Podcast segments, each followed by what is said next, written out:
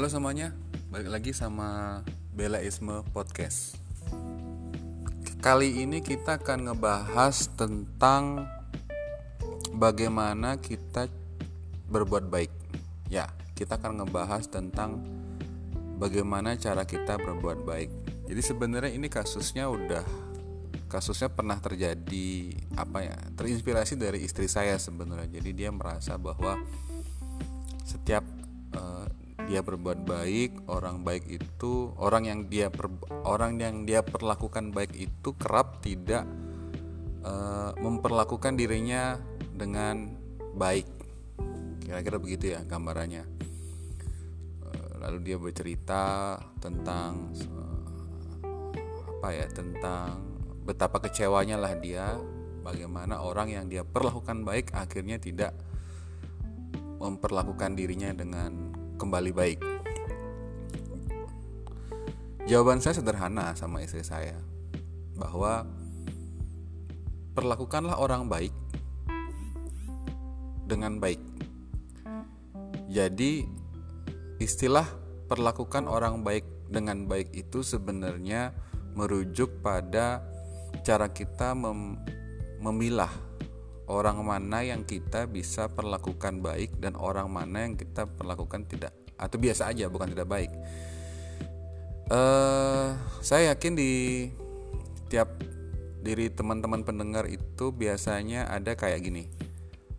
Uh, ngerasa bahwa ini orang kok kayaknya kurang serg ya? Kok ini kayaknya serg ya? Atau misalkan secara logis kita bisa menilai bahwa uh, sepertinya orang ini bisa di diperlakukan baik atau sepertinya orang ini susah diperlakukan baik. Jadi e, dari situ sebenarnya kita bisa memutuskan apakah kita memperlakukan orang tersebut dengan baik atau biasa aja. Nah, bukan buruk ya.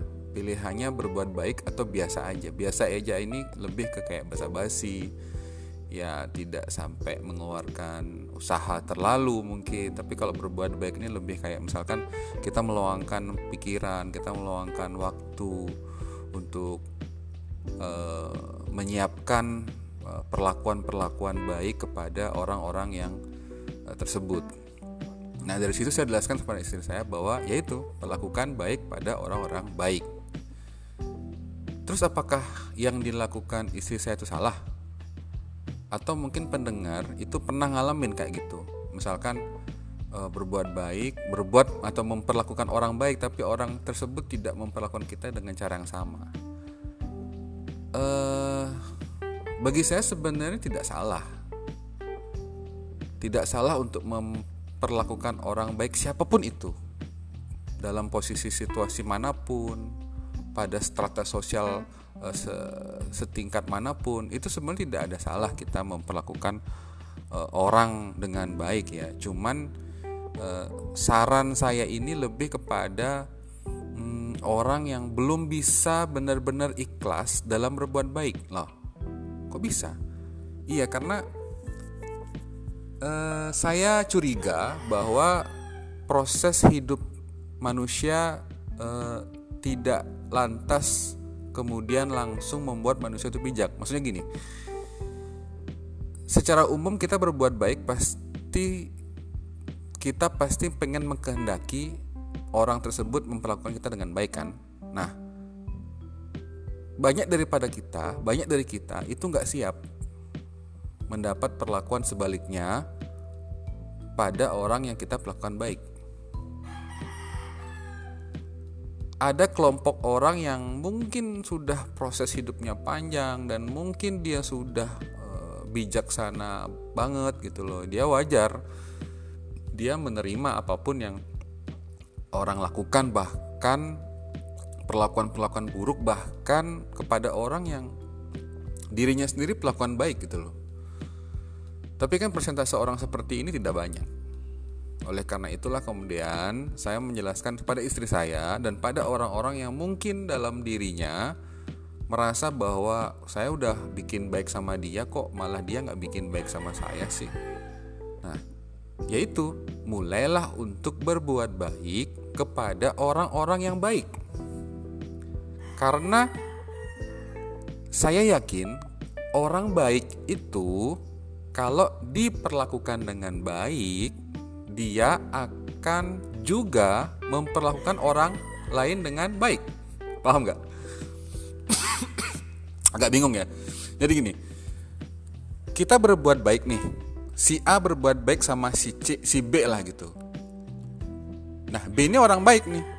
Nah, ketika orang B yang orang baik ini diperlakukan baik, dia pasti akan berbuat baik kepada C juga. Dan seterusnya dan seterusnya dan seterusnya. Jadi itu maksud saya kenapa kita mesti memilah baik secara insting kita, baik secara naluri kita, baik secara uh, logika kita kepada siapa kita berbuat baik atau biasa saja. Jadi jangan buruk ya. Saya nggak pernah sarankan untuk berbuat buruk pada siapa pun baik disengaja ataupun enggak tapi biasa aja pengertian biasa aja ini kayak basa-basi biasa aja tapi yang namanya berbuat baik ini mesti benar-benar dipilih dan dipilah kepada setiap orang yang kita percayai dan kita uh, duga dia tuh baik.